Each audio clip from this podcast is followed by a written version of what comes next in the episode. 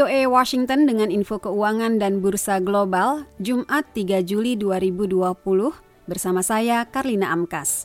Dalam perdagangan hari Kamis, pasar saham dunia ditutup menguat. Di Amerika, pasar saham bereaksi positif atas laporan ekonomi yang disebut Presiden Donald Trump sebagai lonjakan. Indeks rata-rata saham industri Dow Jones naik 92 poin menjadi 25.827 Indeks S&P 500 naik 14 poin menjadi 3.130 dan indeks komposit Nasdaq naik 53 poin menjadi 10.207. Di Eropa, indeks CAC 40 Paris naik 122 poin menjadi 5.049. Indeks saham Financial Times London naik 82 poin menjadi 6.240 dan indeks saham DAX Frankfurt naik 348 poin menjadi 12.608.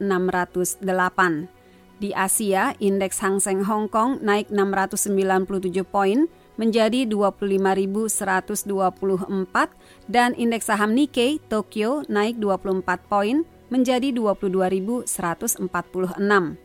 Dari nilai tukar mata uang, 1 euro setara 1,1 dolar Amerika, 1 pound sterling Inggris setara 1,2 dolar Amerika, 1 dolar Amerika setara 107 yen Jepang, dan menurut catatan Bloomberg, 1 dolar Amerika setara 14.377 rupiah. Dari pasar komoditas, harga emas naik 8 dolar 10 sen menjadi 1.788 dolar per troy ounce, harga tembaga naik 1 sen menjadi 2 dolar 74 sen per pon.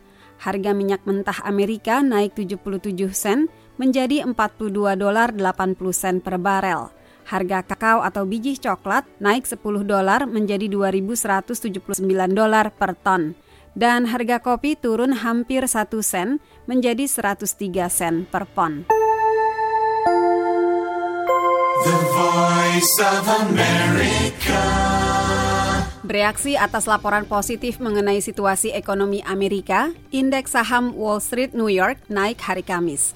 Laporan menunjukkan pasar kerja membaik setelah terperosok akibat pandemi virus corona pada musim semi. Indeks saham S&P 500 naik 0,9 persen lebih tinggi dalam perdagangan tengah hari dan akan mencatat kenaikan keempat berturut-turut. Indeks saham di seluruh Eropa dan Asia juga menguat, sementara harga minyak naik lebih tinggi di tengah harapan pulihnya ekonomi akan berarti lebih banyak permintaan.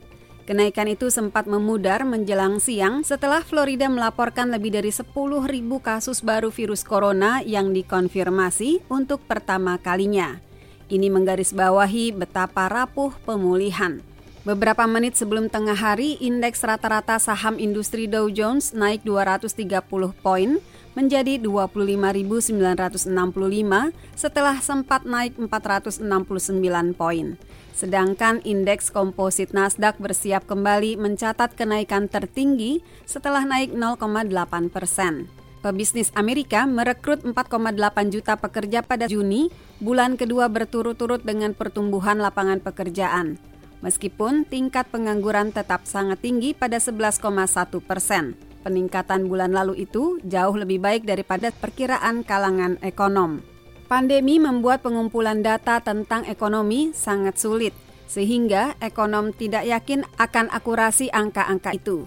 Tetapi mereka mengatakan jelas bahwa pasar kerja membaik setelah anjlok pada musim semi akibat pembatasan sosial berskala besar yang diterapkan secara luas. Investor berharap ekonomi bisa pulih dari resesi relatif cepat, sementara pemerintah melonggarkan pembatasan.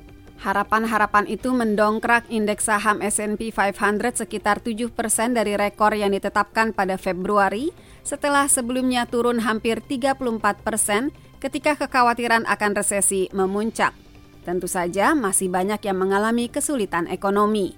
Sejauh ini, hanya sekitar sepertiga dari 22 juta pekerja yang di PHK akibat resesi sudah kembali bekerja. Dan orang semakin khawatir lonjakan kasus virus corona di belasan negara bagian di Amerika bisa menghambat ekonomi yang mulai tumbuh kembali. Kekhawatiran semacam itu menghambat laju pasar sejak awal Juni setelah berbulan-bulan sebelumnya naik tinggi. Laporan tentang ekonomi yang dirilis hari Kamis itu tidak semua positif. Jumlah pekerja yang meminta tunjangan pengangguran pekan lalu misalnya turun sedikit di bawah perkiraan ekonom. Jumlah pekerja yang terus mendapat tunjangan pengangguran juga lebih tinggi dari yang diperkirakan. Namun demikian, pasar saham bergerak naik pada hari Kamis, dipimpin perusahaan-perusahaan yang akan paling diuntungkan dengan beroperasinya kembali bisnis. Demikian berita-berita ekonomi dan keuangan. Kirimkan komentar atau tanggapan atas info ekonomi ini melalui email ke voaindonesia at. Saya Karlina Amkas.